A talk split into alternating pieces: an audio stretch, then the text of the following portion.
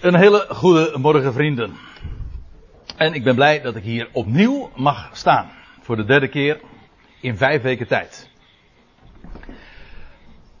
En zoals Peter zojuist al aangaf, is het inderdaad zo dat we weer verder gaan in de serie. We hebben een, een aantal keren inmiddels al gesproken over dat laatste gedeelte in Efeze 3 dat gebed dat Paulus bidt. En waarbij hij aanvangt met de woorden in vers 14: Om die reden buig ik mijn knieën. En alles wat daarop verder volgt, dat maakt deel uit van dat gebed dat hij bidt. Het tweede gebed dat hij bidt in de Efezebrief, want in hoofdstuk 1 lezen we de, ook al, het laatste gedeelte van dat hoofdstuk, dat dat een gebed is. En ik heb het dit keer als titel meegegeven boven bidden en denken. Die uitdrukking die kent u wel. Het is min of meer een standaard uitdrukking in het Nederlands ook. En ik heb het vermoeden dat die uitdrukking ook ontleend is aan de woorden die we straks ook zullen lezen. En wel de woorden dus in Efeze 3 vers 20. Het staat er nog ietsje anders, maar daarover straks meer. Boven bidden en denken. Nou, Laat ik nog eventjes in het kort samenvatten waar we het tot dusver over hebben gehad. Al was het maar omdat er hier mensen zijn die hier nog niet eerder waren. Althans niet meer delen hebben meegemaakt van de serie. Dus dan is het toch wel handig als je in elk geval een klein beetje weet waar we het over hebben.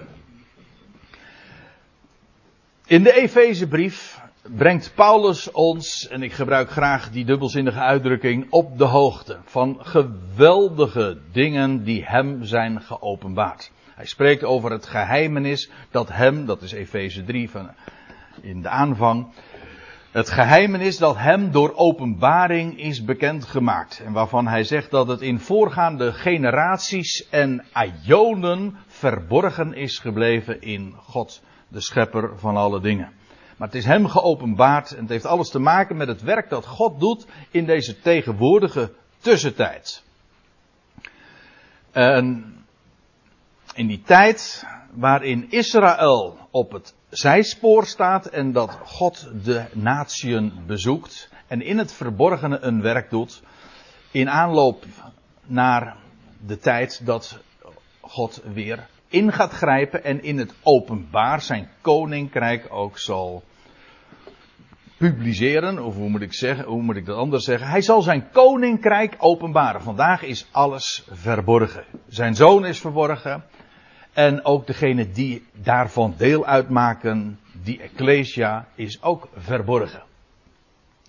Wel, het lijkt mij een goede zaak om eerst dat gebed te lezen.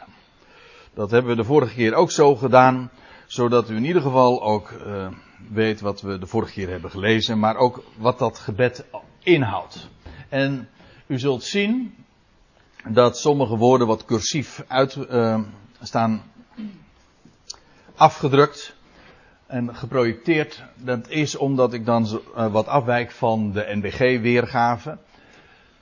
Maar dat gebed begon dus zo. Om die reden, schrijft Paulus, buig ik mijn knieën voor de Vader. En de eerste keer hebben we daar wat meer bij stilgestaan als Paulus zegt dan om die reden, dan refereert dat uiteraard om alles wat hij in het voorgaande naar voren heeft gebracht. Dat bracht hem op de knieën. Om die reden buig ik mijn knieën voor de Vader, naar wie alle vaderschap, want zo staat het er letterlijk, in hemelen en op aarde genoemd wordt. God is Vader. Hij is model. En alle vaderschap dat we in hemel en op aarde kennen is daarvan afgeleid. Hij is de vader, dat wil zeggen de oorsprong van alles.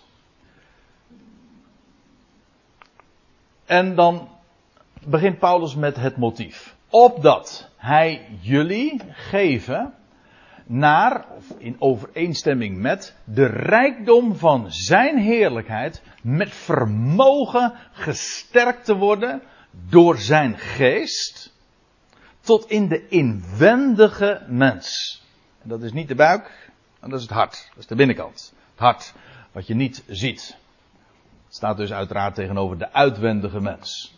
En wat is daar dan weer de reden van? Wel, opdat de Christus, en we hebben er toen ook bij stilgestaan, de Christus, dat duidt ook uh, op niet alleen maar Christus Jezus, het hoofd, maar op de Christus, inclusief zijn lichaam. Hoofd en lichaam tezamen. Dat heet de Christus. Opdat de Christus door het geloof in jullie harten woning maken.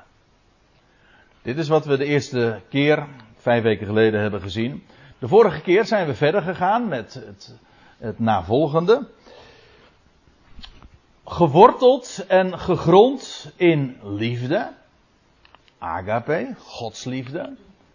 Zullen jullie dan samen met al de heiligen, zij die apart gezet zijn, want dat is wat heilige betekent, samen met al de heiligen in staat zijn te vatten wat de breedte, de lengte en de hoogte en diepte is. En met die dimensies hebben we ons de vorige keer ook bezig gehouden. Het gaat hier over de breedte, lengte, hoogte en diepte van de geheimenissen die Paulus heeft geopenbaard, mocht openbaren. En ook over de liefde Gods in Christus.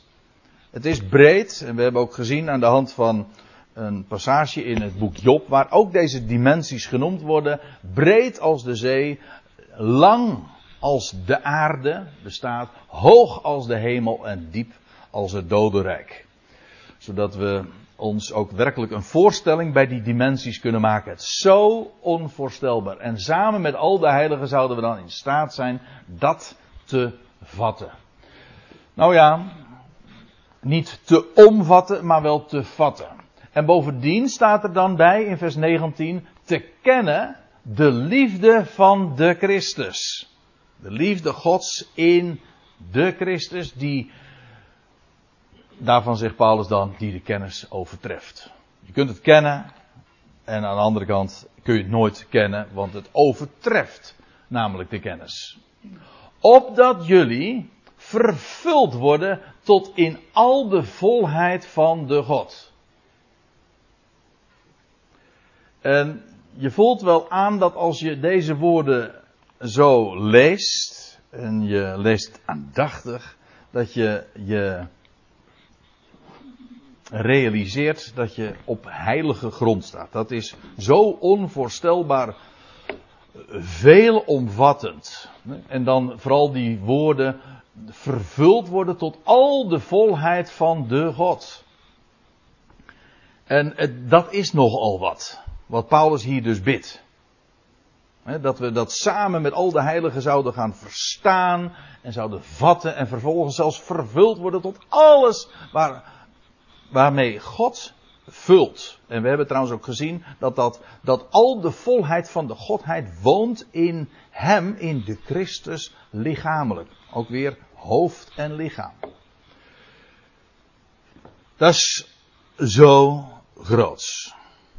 En je denkt als je zoiets leest, hoe is dat mogelijk? En ik zeg het expres ook zo, niet alleen maar omdat dat het gevoel is als je dit aandachtig leest en dan, dan concludeer je dat. Hoe is dat mogelijk? Wel, dan, dat verklaart dan ook meteen waarom Paulus dan vervolgens zo afsluit. En daar wil ik u vanmorgen dan bij bepalen, bij dat laatste gedeelte van dat gebed. Hem nu, die naar de kracht die inwerkt in ons, bij machten is overdadig meer te doen, boven alles wat wij bidden of verstaan, Hem zij de heerlijkheid. In de Ecclesia, de gemeente dus. En in Christus Jezus, tot in al de generaties van de Aion der Aionen. Amen. Dat is het gebed dat Paulus bidt. En nou, op deze twee versen, want dat zijn het maar, wil ik graag zinsdeel voor zinsdeel eens nader ingaan. Ik zei al, als je dit gebed aandachtig bidt, dan realiseer je je, en daar, dat, zo overkomt het je als je dat uh, leest, dit is zo groot. Hoe is dat mogelijk? Wel, dan begrijp je ook meteen waarom Paulus dan vervolgens zegt, hem nu die naar de kracht die inwerkt in ons, wel hij is zoveel meer te doen, uh, over, uh, in staat te doen wat we bidden of verstaan. Daar, zit een direct verband, maar ook een logisch verband tussen het ene en het andere. Nou, laten we het eens wat nader bezien. Hij zegt, hem nu, die blijkens, of naar de kracht, in, dat, dat naar betekent uh, inderdaad in overeenstemming met, de kracht welke inwerkt in ons.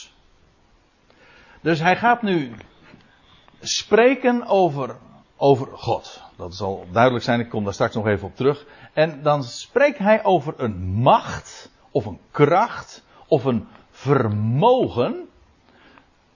Hier ziet dat, dat Griekse woordje dynamin, dat heeft te maken inderdaad met vermogen, dynamisch. Hè. Ook dynamiet vind ik altijd een mooie Nederlandse afleiding. Dat klinkt ook altijd erg krachtig, nietwaar? Machtig. Die naar het vermogen van de inwerkende, hier wordt het, een woord gebruikt waar ons woordje energie vandaan uh, is afgeleid. Energie betekent eigenlijk ook letterlijk inwerking. Naar de, het vermogen die inwerkt in ons.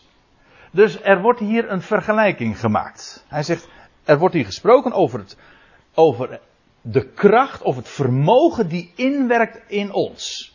Wel, naar die, naar dat vermogen, nou en dan wordt uh, de vergelijking afgemaakt, maar daar kom ik uh, op terug. Eerst even dit. Wat is dat? Die, dat? die macht of die kracht of dat vermogen die inwerkt in ons. Wel, dan refereert Paulus aan iets wat hij al eerder heeft geschreven in deze brief. En dat is in hoofdstuk 1, vers 19. En ik stel voor dat we daar even naartoe gaan. Daar gebruikt hij namelijk soortgelijke uitdrukkingen, vrijwel identiek zelfs. Hij zegt daar dit. We bladeren dus gewoon even terug. Want daar had Paulus al uitgelegd wat dat is. Dat die kracht die inwerkt in ons. Hij zegt dan in dat negentiende vers van het eerste hoofdstuk.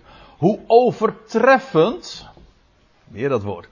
Hij, dan, ik, want ik val hier natuurlijk midden in de zin. Maar hij spreekt dan over hoe overtreffend groot zijn vermogen is, is aan ons die geloven naar de inwerking van de sterkte van zijn macht. Ziet u? Dit zijn, uh, dit zijn zelfde woorden. Als Paulus dit zegt, die naar het vermogen die inwerkt in ons, wel, daar is een kracht, daar is een vermogen die inwerkt naar ons. Daar had hij juist uitgelegd en dat wil ik graag wel laten zien. Anders blijft het zweverig. Waar heeft hij het nou gewoon concreet over? Wel, hij heeft het concreet over een, over een enorme kracht die inwerkt in ons. Wie zijn die ons? Wel, dat zijn degenen die nu mogen geloven. En het is ook uh, een inwerking van sterk van zijn macht. En nou komt het. Want nu gaat hij laten zien over wat voor vermogen hij het heeft. Wel, het is die sterkte van die macht die hij inwerkt ook. Weer dat woordje energie, hè. Die hij inwerkt in Christus door hem uit de doden op te wekken en hem te doen zitten aan zijn rechterhand te midden van de hemelse. Dus wat is hier aan de orde? Wat, wat, waar spreekt Paulus over? Hij spreekt over het geweldige vermogen van God aan ons die geloven, maar dat is dezelfde kracht die ooit inwerkte in Christus door hem uit de doden op te wekken. Nou, dat is een kracht. Dat is, dat is, dat is met recht overtreffend. Om niet alleen maar over de dood te triomferen, om een dode tot leven te maken, tot te wekken, sorry. Maar zelfs tot onvergankelijk leven. Want we kennen het fenomeen ook in de Bijbel dat doden bij gelegenheid uh, levend gemaakt worden. Maar dat waren dan altijd toch weer mensen die weliswaar terugkeerden naar dit aardse bestaan. Maar het was met recht een, een terugkeer naar het sterfelijke bestaan. Om uiteindelijk gewoon alsnog, uh, voor een tweede keer dus, te sterven. Maar dit is een kracht die niet alleen maar iemand doet opstaan, maar die werkelijk levend maakt. En zodanig dat dat leven onvergankelijk is. Dat met recht dus de dood achter zich heeft. En het is De dood is met recht overwonnen. Er is er vandaag nog maar één. Eén, er is één mens, van al die miljarden die ooit geleefd hebben, is er één mens die onvergankelijk leven heeft. En dat is Christus. Hij is, uh, er staat in Romeinen 6 vers 10 dat hij is opgestaan om nimmer meer te sterven. Dus met recht onvergankelijk leven. Terwijl ik het zeg, ik bedoel, ik kan het in, vrij gemakkelijk toch wel begrijpen, zoiets. En tegelijkertijd hebben we geen idee wat dat is. Ik bedoel, we hebben geen vergelijking. Wat is dat? Onvergankelijk leven. Wat wij hier kennen, we kennen hier leven tussen aanhalingstekens. Paulus noemt het meestal sterven. We zijn allemaal bezig dood te gaan. Ja, maar we hebben het nu over leven. Echt leven dat dus totaal buiten het bereik ook van de dood is. Het heeft het wel achter zich. Wel, hier wordt gesproken over God die Christus uit de doden opgewekt heeft. Maar dat niet alleen, hem vervolgens ook heeft doen, hem deed zitten aan zijn rechterhand te midden van de hemelse. En als u dan nog verder leest, dat zullen we trouwens straks ook doen, dan ziet u dat dat zelfs de toppositie is, boven alle overheid en macht. Het is allemaal ontrokken aan het oog, maar hij heeft daar de aller, allerhoogste positie. Dat betekent dus dat we van de, en nou refereer ik weer even aan, de vorige keer, we zijn dan van de diepste diepte naar de hoogste hoogte gegaan. Hij was gestorven, de dood, ja de dood van het kruis, en hij lag daar in het graf. En God heeft hem opgewekt uit de doden, maar dat niet alleen, hij heeft hem de, doen zitten aan zijn rechterhand en te midden van de hemelse, boven alle overheid en macht. Dat is kracht. Dat is het vermogen waar we het over hebben. En waarom zegt hij dan van ja, maar dat is hetzelfde als wat hij ook aan ons doet? Wel, laten we even verder lezen. En ik lees, sla nu één vers even over, vers 21, voor, om destijds willen. En hij, dus God, heeft alles onder zijn, Christus, voeten gesteld. En hem als hoofd boven alles gegeven aan de Ecclesia. Aha, hier komen wij in de picture. En hier zie je ook meteen wat de connectie is. Want exact hetzelfde. Wat Christus Jezus, het hoofd, is overkomen. Namelijk door hem uit de doden op te wekken. En vervolgens op de allerhoogste plaats te zetten. Aan zijn rechterhand. Dat is een positie van voorrang, nietwaar? De allerhoogste voorrang. Wel, hij, God, heeft hem alles onder zijn voeten gesteld. Ja, dat is trouwens een uitdrukking weer uit de psalmen. Daar lees je ook dat alles onder de voeten van de, van de Messias is gesteld. Ja, zegt Paulus, maar dat is een verborgenheid. Want die voeten, dat heeft te maken met het lichaam van die Messias. Maar wat is het lichaam van die Messias? Dat, zijn, dat is die Ecclesia. Want hij, Christus is het hoofd boven alles. Dat moet nog openbaar worden, maar het is wel zo. Hij is het hoofd boven alles. Hem is gegeven alle macht, alle volmacht in hemel en op aarde. Dat sprak de Heer Jezus ooit in, uh, je leest in Matthäus 28. Wel, hij is het hoofd boven alles. En in die hoedanigheid, als hoofd boven alles, is hij gegeven aan de Ecclesia. De Ecclesia betekent dus dat uitroepsel, dat, dat die verzameling mensen die God vandaag uitroept. Dat heet Ecclesia. Maar die Ecclesia is het lichaam van Christus. Wel, die, hij is als hoofd boven alles gegeven aan de Ecclesia. Dus Christus, Jezus, is hier het, is het geschenk. En aan wie wordt dat gegeven? Aan de Ecclesia. En in welke hoedanigheid is hij dan gegeven aan die Ecclesia? Wel, als hoofd boven alles. En dan lees ik nog verder. Die zijn lichaam is. Dus die Ecclesia, dat is het lichaam van Christus. Zij zijn dus een eenheid. Dat wat Christus heeft. En Christus heeft ontvangen. En wat God voornemens is met hem te doen. Dat is dus inclusief de Ecclesia. Want hij, ja, zoals hoofd en lichaam een eenheid vormen. Sterker nog, het is zo dat het hoofd zonder lichaam incompleet is. Dat verzin ik niet. Dat, dat, A, je kunt dat zelf bedenken. En B, uh, het staat hier ook. Die zijn lichaam is de volheid van hem. Hier wordt een, een woord gebruikt, ja, dat betekent volheid. Maar dat is de completering. Een, een lichaam maakt het hoofd uh, compleet. Je kunt ook omkeren natuurlijk. Dat is meer het onderwerp van de Colossensebrief. Maar laten we, het niet, laten we het gewoon simpel houden. Hier is de gedachte, het hoofd Ja, maar dat is incompleet. Als daar staat, alles is onder zijn voeten gesteld, dan heeft hij dus een lichaam nodig. En dat is ook zo. Christus Jezus is niet de enige. Hij is tezamen met de Ecclesia een eenheid, zoals hoofd en lichaam. Wij zijn dus ingelijfd in Hem. Ja, ik weet, eh, als je dat aan een, een doorsnee christen vraagt die een beetje van de Bijbel weet, dan zeggen ze, wij zijn ingelijfd bij Israël. Wij, horen, wij zijn eigenlijk Israël. Nee, nee, uh, juist niet. Het is, een heel ander, het is een heel ander verhaal. Het is juist, we zijn ingelijfd in Christus. Dat wat aan Christus is beloofd en gegeven, dat is ook, behoort ook de Ecclesia toe. Want ze zijn als hoofd en lichaam een eenheid. Die zijn lichaam is de completering, dus de volheid van Hem die alles in allen vervult. En dat plaatst in een nog groter perspectief, want dat betekent dus dat Hij, dat, dat God het al op het oog heeft en Hij gaat alles in allen vervullen. Dat is een, weer een, nog weer een ander onderwerp. Dus heel de schepping, feitelijk is het zo dat de Christus, hoofd en lichaam, hier een instrument is om uiteindelijk het totaal, het, de ganse schepping van Gods heerlijkheid te vervullen. Dit zijn zulke onvoorstelbare grootse, wat zeg ik, alomvattende concepten. God heeft een plan.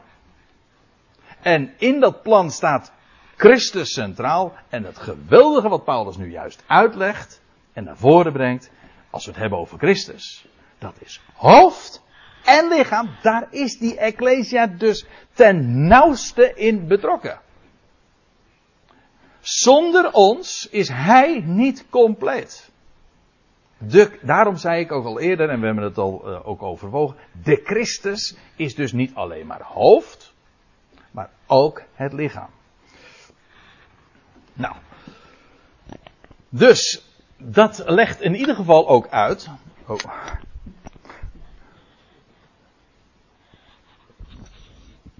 Dat legt uit dat dat vermogen, die, die sterkte van zijn macht, ja, die werkt in ons. Ja, maar dat is dus dezelfde die ook inwerkt. Dat is de connectie die Paulus legt, die ook in Christus Jezus, het hoofd, werkt.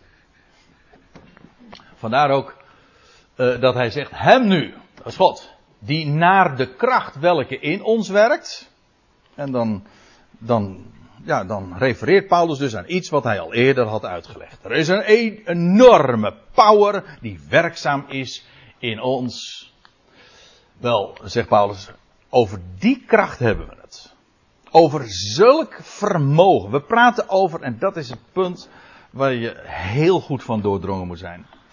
We hebben het over een God die alvermogend is. Waar we per definitie altijd te klein van denken. En over zijn vermogen wat hij in staat is te doen. Wel, hem nu, naar de kracht welke in ons werkt, bij machten is, of uh, ja, hij kan, hier heb je trouwens weer datzelfde woordje dynamisch waar ik het over had. Hij is uh, in staat tot, hij is vermogend, of hij kan dat, kunnende. Dus bij machten, ik heb er helemaal geen bezwaar tegen te, om dat zo weer te geven. Maar ik, ik, wil alleen maar eventjes onderstrepen waar het over gaat. We hebben het over een God die bij machten is. Ja. En dan komt er iets, dat is een uh, hele, nou ja, voor de, voordat we het uh, de samenkomst begonnen had ik het met Peter nog eventjes over. Toen kwam de, de term superlatieve nog uh, even voorbij. Maar hier, dit is er eentje. Want hij zegt dan, die bij machten is oneindig veel meer te doen. Je kan lezen van, hij is, het is al heel wat als je zegt, hij is bij machten te doen. Nee, zegt Paulus, is niet genoeg. Hij is bij machten meer te doen. Nee, zegt hij, eh, dat, ik vergis me nog, ik, eh, ik moet het nog sterker zeggen, ik ben bij machten veel meer te doen. Nee, ik zeg het nog niet genoeg, ik ben bij machten oneindig veel meer te doen. Dit is, Ja, dit is echt wel heel, erg super en hyper hoor. en hyper, ja. Dat is ook hyper, dat is het woord wat hier ook gebruikt wordt. Als je het uh, letterlijk die bij machten is meer dan overvloediglijk te doen, zegt de Statenvertaling. Of in de Concordant Version, who is able to do super excessive, eh, hoe zeg je dat nog? excessively, ja precies, dat is hem. In ieder geval, dat betekent dus, ja, en dan gaat straks uh, Naomi tegen mij zeggen, als u nou Engels gaat spreken, dan moet u het wel goed doen, ja.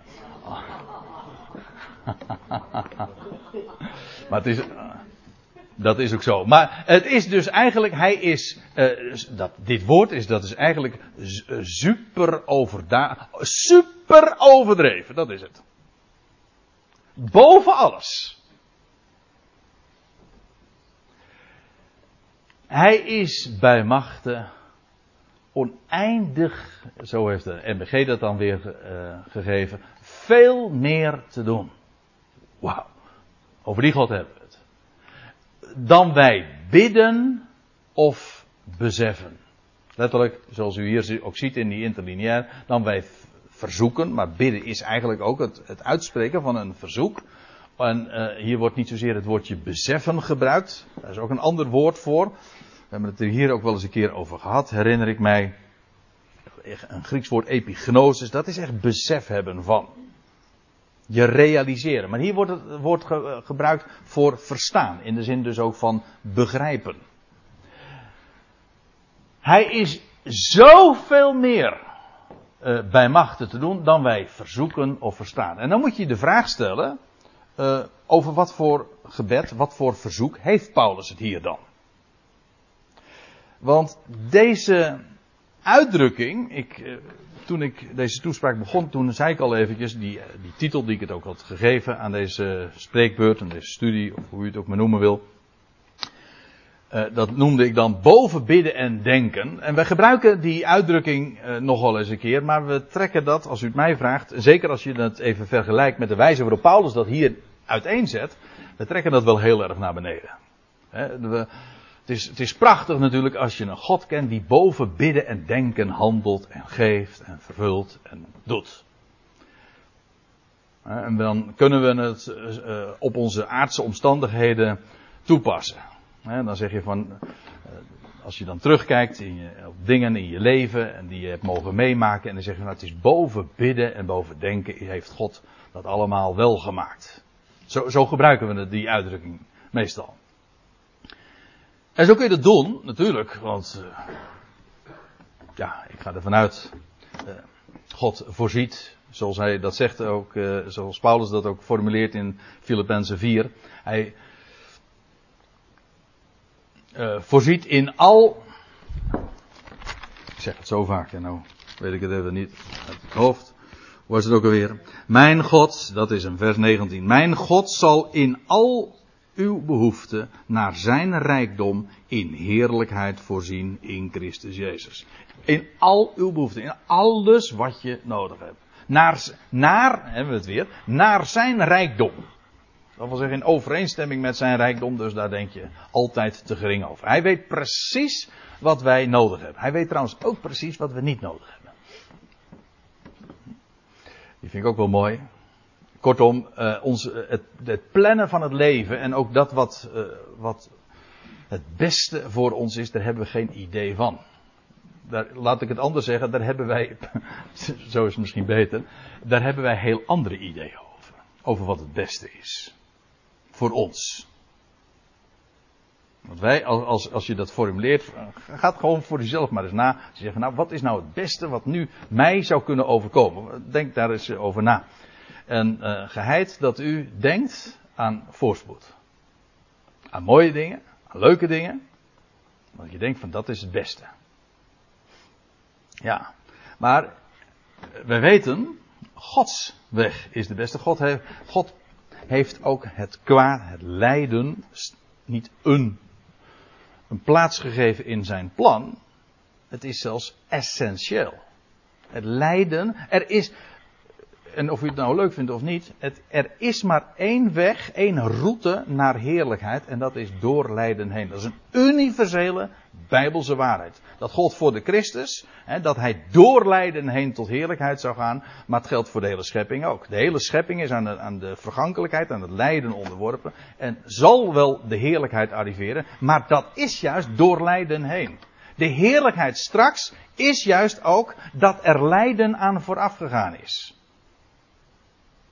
Het is een schitterende gedachte ook dat alleen maar. Vorige week heb ik het nog met iemand eh, uitgebreid over gehad. Er is maar één manier om liefde te leren kennen. Het is een doordenkertje en je kunt erover filosoferen en dat is mooi hoor. In de vakantieperiode als je het strand ligt, om daar eens over na te denken. Er is maar één manier om liefde te leren kennen en dat is door lijden heen. Zonder lijden kan je nooit bewijzen dat er sprake is van liefde. En als u een liefdesroman leest of een uh, film kijkt uh, waarin het gaat om liefde, dan gaat het altijd over tranen. Oké, als het goed is, als het een goede roman is, dan heeft het een happy end natuurlijk. Dat heeft de Bijbel ook. Maar zonder tranen kan dat niet. Zonder tranen kun je niet bewijzen dat je van iemand houdt. Zonder moeite. Is niet voor niks. Ik dwaal een beetje af. Het ging even over uh, wat wij dan verzoeken. Hè. Wij, bidden om dingen. Wel, als Paulus het hier heeft over dat bidden, en dat, of dat verzoeken, dan moet je even uh, gewoon kijken over welk verzoek heeft hij het nou. Daar, heeft hij, daar, heeft, daar is juist dit gebed een voorbeeld van. Dit gebed is een, een, een aaneenschakeling van feitelijk ook verzoeken aan God. Verzoeken, het klinkt een beetje als het verzoeken van God, maar ik bedoel, uh, je hebt een gebed. Je bidt God iets. En lees het maar eens na in de brieven van de apostel. Hij bidt niet voor aardse omstandigheden. Nooit. Nou, ik kan één uitzondering, uh, weet ik. En dat is dat hij dan een keer heeft gebeden voor die doorn voor, voor zijn vlees. Afgezien van de vraag wat dat was. Toen heeft hij gebeden, inderdaad. Drie keer tot God heb ik gebeden. Of, die, of, die, of hij, of die, die boodschapper van de tegenstander van hem zou aflaten. En weet u wat hij toen te horen kreeg? Mijn genade is jou genoeg. Don't worry. Ik geef jou wat je nodig hebt. Maar wat, wat, wat bidt Paulus dan wel? Nooit over de aardse omstandigheden, omdat hij al sowieso op het fundament staat. Gods voorziet. Wij danken in alles. We hoeven niet voor aardse omstandigheden te bidden. Daar kunnen we op God op voorhand voor danken, omdat Hij geeft wat we nodig hebben en Zijn weg de beste is. Waarom bidt hij dan wel? Wel, dit gebed is daar een voorbeeld van. Hoofdstuk 1 is daar een ander voorbeeld van. En als u nog niet overtuigd bent en u zegt ik wil drie getuigen, nou dan gaat u naar Colossense 1. En dan, zegt, en dan zie je weer exact hetzelfde. Hij bidt voor besef. Hij bidt voor verlichte ogen. Dat is Efeze 1. Of laat ik me dan even beperken tot Efeze 3. In dit gebed. Hij bidt om dat we naar de rijkdom van zijn heerlijkheid met vermogen gesterkt te worden. Hij bidt of verzoekt dat de Christus door het geloof in de harten woning maken. Hij bidt dat we zouden vatten wat de breedte en lengte en hoogte en diepte is. Hij bidt dat we zouden kennen de liefde van Christus die de kennis overtreft. Hij bidt dat we vervuld zouden worden tot in al de volheid van de God. Kijk, dat zijn de gebeden, de verzoeken die hij doet. En als hij zegt van boven bidden en boven denken, dan heeft het daarmee te maken. Welk gebed dan wel? Het gaat om dat gebed dat Paulus bidt, dat we dit zouden beleven in ons leven. En daarvan zeiden we, of ja, dat zei ik al, dan zou je heel gemakkelijk kunnen denken: dit is te veel. Dit is, dan ga je haast zweven. Dit is zo groot, zo hoog. Maar dat is, dit is juist helemaal niet zweven. Dit is juist dat we besef gaan krijgen van de realiteit. Maar dan in een hele grote context. Dat betekent dat je, dat je hart, dat je, dat je mind, dat je gedachten zo enorm breed wordt, zo hoog wordt. Dat je gaat leven in dat enorme perspectief. Wel, en daarvan zou je kunnen zeggen hè, dat je dus echt doordrongen bent van de liefde die inderdaad de kennis overtreft. Kan dat? Jazeker. Weet u waarom dat kan? Dat je het, kijk, als je de vraag zou stellen van, maar dat kunnen wij toch niet pakken? Dan zeg ik, nee, dat kun, kan je ook niet pakken. Maar dat is, ook niet, dat is ook niet wat Paulus zegt. Hij zegt, God geeft dat. En hij, en zo eindigt dit gebed dan ook, met, dat, met die waarheid. En hij is bij machten dat wat wij, waarvan wij denken, dat is te veel. Too much. Hè? Dat, dat kan echt niet. Hij is bij machten dat te doen. Om dit te geven. Dat we inderdaad. Hoe zegt hij dat? En ik, ik zou. Ja, dat is eigenlijk weer een onderwerp apart. Maar je zou zo eens door de brieven moeten bladeren. Dat Paulus zegt. Er is één vers dat mij nu uh, voor, even voor de aandacht komt. Zo ter plekke schiet het met de binnen in Romeinen 15. Daar lees je dat Paulus zegt in vers 13. De God nu van de hoop. Hij vervulle u met louter vreugde en vrede in het geloof. Om overvloedig te zijn in de hoop. Door de kracht van de Heilige Geest. Nou, zo'n leven. Gewoon, ik bedoel, elke dag. Dat je mag leven, dat je, dat je vervuld bent met louter vreugde en vrede. Daarvan zou je zeggen, dat kan toch niet? Nee, dat, kan een, dat is niet menselijk. Dat is bovenmenselijk. Maar over dat vermogen hebben we het juist. God is bij machten ons die vrede, die vreugde in ons leven, niet soms, maar ten alle tijden te geven. Dus dat is niet iets van op je tenen staan, van ik probeer erbij te komen. Dat is geen mensenwerk.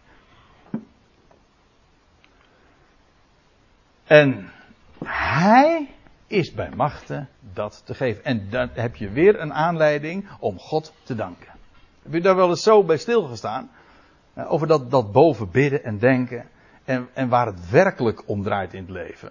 Het gaat toch helemaal niet over, over allerlei dingen die we graag gerealiseerd zouden zien in ons leven. En dan zeggen van nou, ik zou dat graag willen hebben. En dat bedoel ik nog helemaal niet eens zo materialistisch van een nieuwe fiets of een tweede, uh, tweede huis of weet ik veel wat. Uh, zulke dingen. Nee, het kan ook gewoon heel welgemeend en zijn en waar we zeggen, ik, ik heb dat toch nodig. Dat kan in de sfeer van je werk liggen of van de familie of van een partner. Noem maar op. Ja. Of dat je gewoon al op voorhand ervan uitgaat. God geeft wat hij nodig vindt. En hij geeft overvloedig en hij voorziet. Maar dat we gaan bidden, dit gebed. Echt, dit is dit gebed. Dat we daarvan vervuld worden, van dat besef. En dat is, ja, dat is zo groot. Als je zo'n leven mag leven, dat vervuld daarmee is. Nou, zegt Paulus, als dat zo is. Hem nu. Wie is die hem? Wel, nou laten we gewoon even de formuleringen nemen die Paulus zelf heeft gegeven. Dat is die vader, naar wie elk vaderschap in hemel en op aarde genoemd wordt. Of even terug, nog verder teruggaand in vers 11 van, dat is de God, de schepper van alle dingen. Of nog even verder terug, dat is de God van de Heer van ons, namelijk Jezus Christus. De Vader der heerlijkheid. Dat wil zeggen de bron en de oorsprong van al die heerlijkheid. Hij die al die heerlijkheid bezit. Hem nu, zij de heerlijkheid. Aan hem, aan hem behoort die heerlijkheid. En voor hem is het ook allemaal. Het komt uit hem voort. Het, hij is het die het realiseert. En het, is ook al, het komt ook weer tot hem terug. En de ode is ook aan hem. Ik denk aan die woorden in Romeinen 11. Romeinen 11, vers 36. Uit hem, door hem, tot hem zijn alle dingen. En daarom zegt Paulus, hem zij de heerlijkheid. Tot in de aion. Amen. Zegt hij dan. Aan bij, zegt hij hier trouwens ook. Hem zij de heerlijkheid in de gemeente en in Christus Jezus. Nou, dat hoef ik nu in feite niet meer uit te leggen, want dit was nou precies het grote thema in de Efezebrief. In de, in de gemeente, dat was in de Ecclesia. En in Christus Jezus. Christus Jezus is dus het hoofd. De Christus kan heel vaak betekenen, zeker in deze brieven, is hoofd en lichaam. Maar als hij het heeft over Christus Jezus, heeft hij het over die ene persoon die het hoofd is van dat totale gezelschap, om zo te zeggen. Hoofd en lichaam. Wel, hem zij de heerlijkheid in de Ecclesia en in Christus Jezus, die die toppositie hebben. U weet het wel, hè?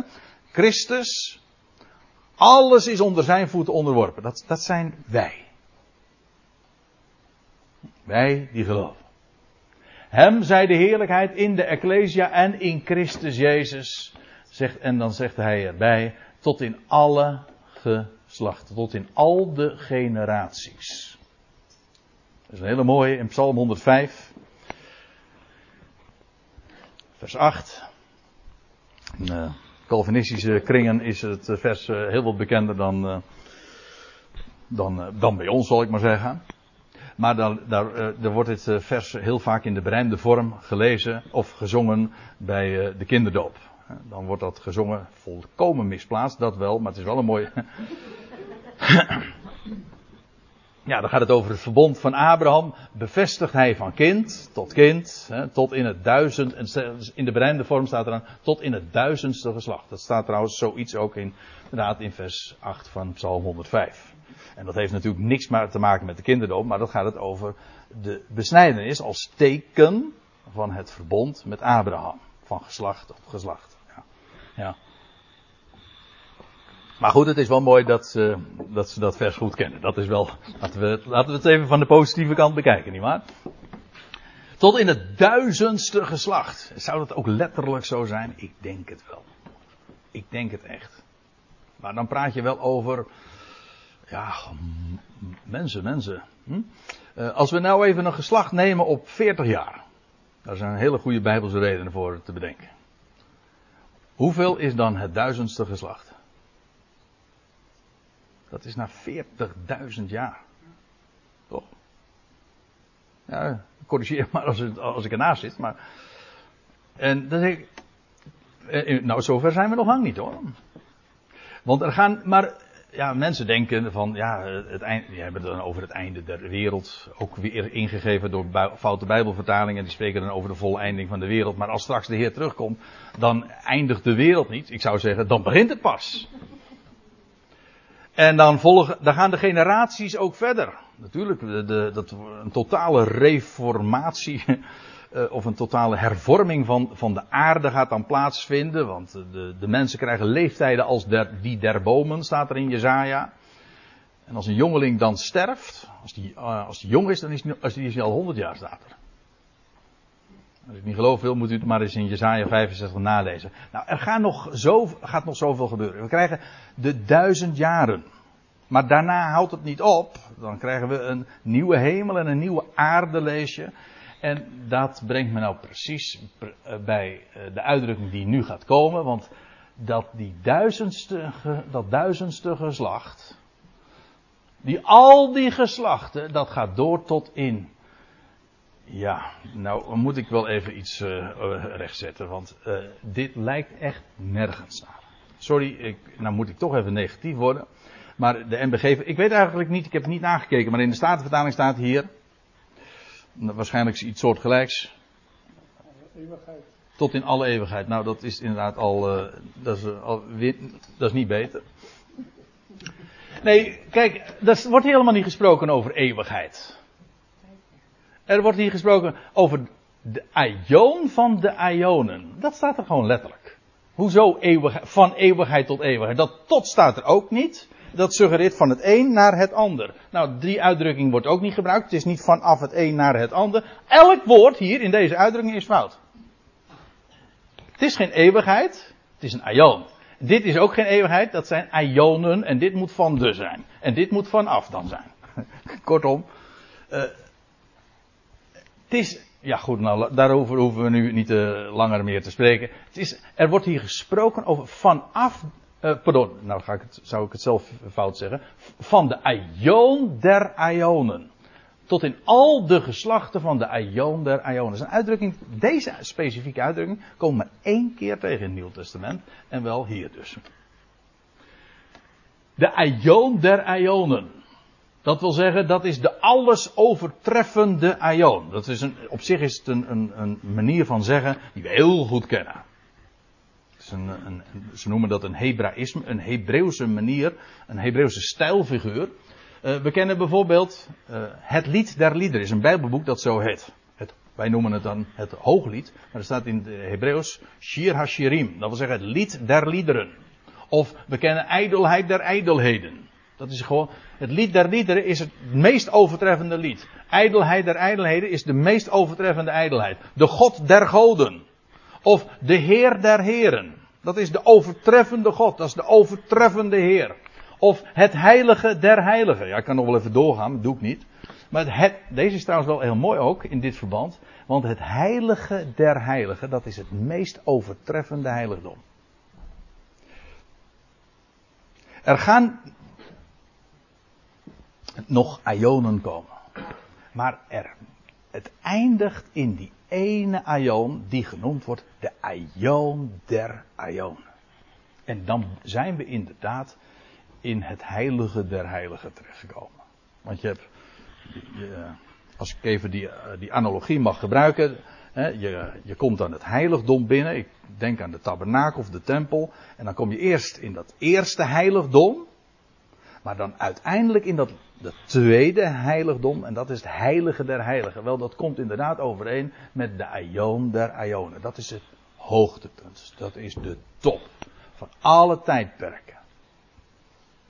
En ja, dat is zo jammer dat dat in de vertaling allemaal is weggemoffeld. Men heeft van een aion een eeuwigheid gemaakt. En, en dat is niet alleen maar een foute vertaling, waardoor heel veel zicht je ontnomen wordt. Het is bovendien, en nou ga ik helemaal zware woorden gebruiken, maar ik zal toelichten. Het is zelfs een duivelse truc.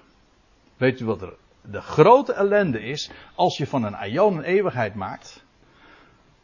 Dan betekent het dus ook dat bijvoorbeeld de eeuwige straf, of een eeuwig oordeel, dat betekent dat dat dan ook een eeuwigheid duurt.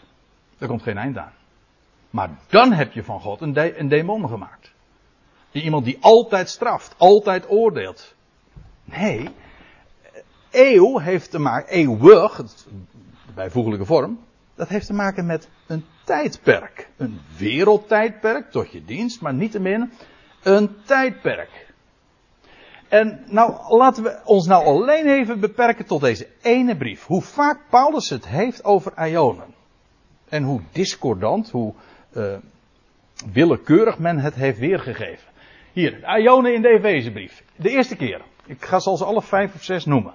Efeze 1 vers 21. Daar, zegt Paulus, niet alleen in deze, maar ook in de toekomende Ion. Hier heb je twee Ionen. Deze Ion, de huidige, en de toekomende Ion. Hoofdstuk 2 vers 2. Ik geef het meteen weer zoals het echt dus staat. Uh, daar wordt gesproken over de Ion van deze wereld. Dat is eigenlijk, die komt dus overeen met deze Ion. Het is de aion die overeenkomt en te maken heeft, gelieerd is aan deze wereld, aan deze kosmos. Hoofdstuk 2 vers 7 wordt er gesproken over de komende aionen. In hoofdstuk 3 vers 9, dit hoofdstuk dus, spreekt Paulus over, dan blikt hij weer terug, dan zegt hij vanaf de aionen, van aionen her. Dus dat, dan kijkt hij terug, zodat je, je ga maar tellen, je, als je terugkijkt, dan, dan zie je, dan zijn er aionen, wereldtijdperken geweest. Er is een huidig wereldtijdperk en er gaan ook nog ionen komen. Dan heb je in ieder geval al vijf. Toch? Ionen die achter ons liggen, de huidige ion, de toekomende ionen. Dit zijn die overtreffende ionen. Dit zijn die ionen waarin Christus zal heersen. Je leest, die, uitdrukking de ionen der ionen, twee keer meervoud, die wordt uh, in het boek Openbaring een stuk of 13, 14 keer gebruikt. Dan lees je over Christus zal heersen tot in de ionen der ionen. Uh, altoos? Altoos? Nee, hij moet heersen totdat. Totdat uiteindelijk de dood er niet gedaan wordt. En dan is er alleen nog maar leven. En dan zal hij het koninkrijk overdragen aan zijn God en Vader. En dan zal God zijn alles in allen. Ja, maar hier. Dan hebben we ook nog. Dat is nog. Dat is een mooie 3 vers 11 daar is sprake van Gods plan der Ionen. Ik geloof dat ik de, een, keer uh, hiervoor al er even op heb gewezen. Dat er dan uh, in de MBG-vertaling sprake is van het eeuwige voornemen. Dat vind ik altijd, dat is erg zielig dus. Hè? Als je iets eeuwig voorneemt. Ja, dat blijft een voornemen. Nee, God heeft een plan der Ionen. Er zit een concept achter. Alleen al het idee. Mensen, er is een God. Dat wil zeggen, hij plaatst de dingen. En hij heeft, voordat de Ionen aanvingen, ook de, Bijbel spreekt over voor de Ionen. Voor de eeuwigheid. Dat is dwaasheid. Voor de Ionen had hij een plan. Een voor, inderdaad, een voornemen. Zo gaat dat gebeuren. Bij God gaat er nooit iets mis. Hij heeft een plan der Ionen. En in deze Aion, dit is deze, deze Aion heet de boze Aion, de tegenwoordige boze Aion, waar de God van deze Aion het voor het zeggen heeft, waarin de waarheid ten onder wordt gehouden. Maar er komen straks Aionen waarin Christus zal heersen. Dat zijn die komende Aionen, die uiteindelijk culmineren in die laatste Aion, de Aion der Aion. En daar, is, daar zijn we weer terug bij hoofdstuk 3 vers 21 tot in al de geslachten van de Aion der Ionen. Dus die meest overtreffende Ion die nog gaat komen. Ziet u? Hier, wat is het? Zes keer wordt er gesproken in de Efezebrief over Ionen. Wat een licht komt hier vanaf. Wat een geweldige God zien we hier, die hier opereert, die hier werkzaam is en die iets uitwerkt. Wel. En nou, moet ik het nog even lezen. Hem nu, zegt Paulus. Hem. Hem zij de heerlijkheid in de Ecclesia en in Christus Jezus tot in al de geslachten van de Aion der Aionen. En dan zegt hij, Amen. Zo is het. En dat zeg ik dan.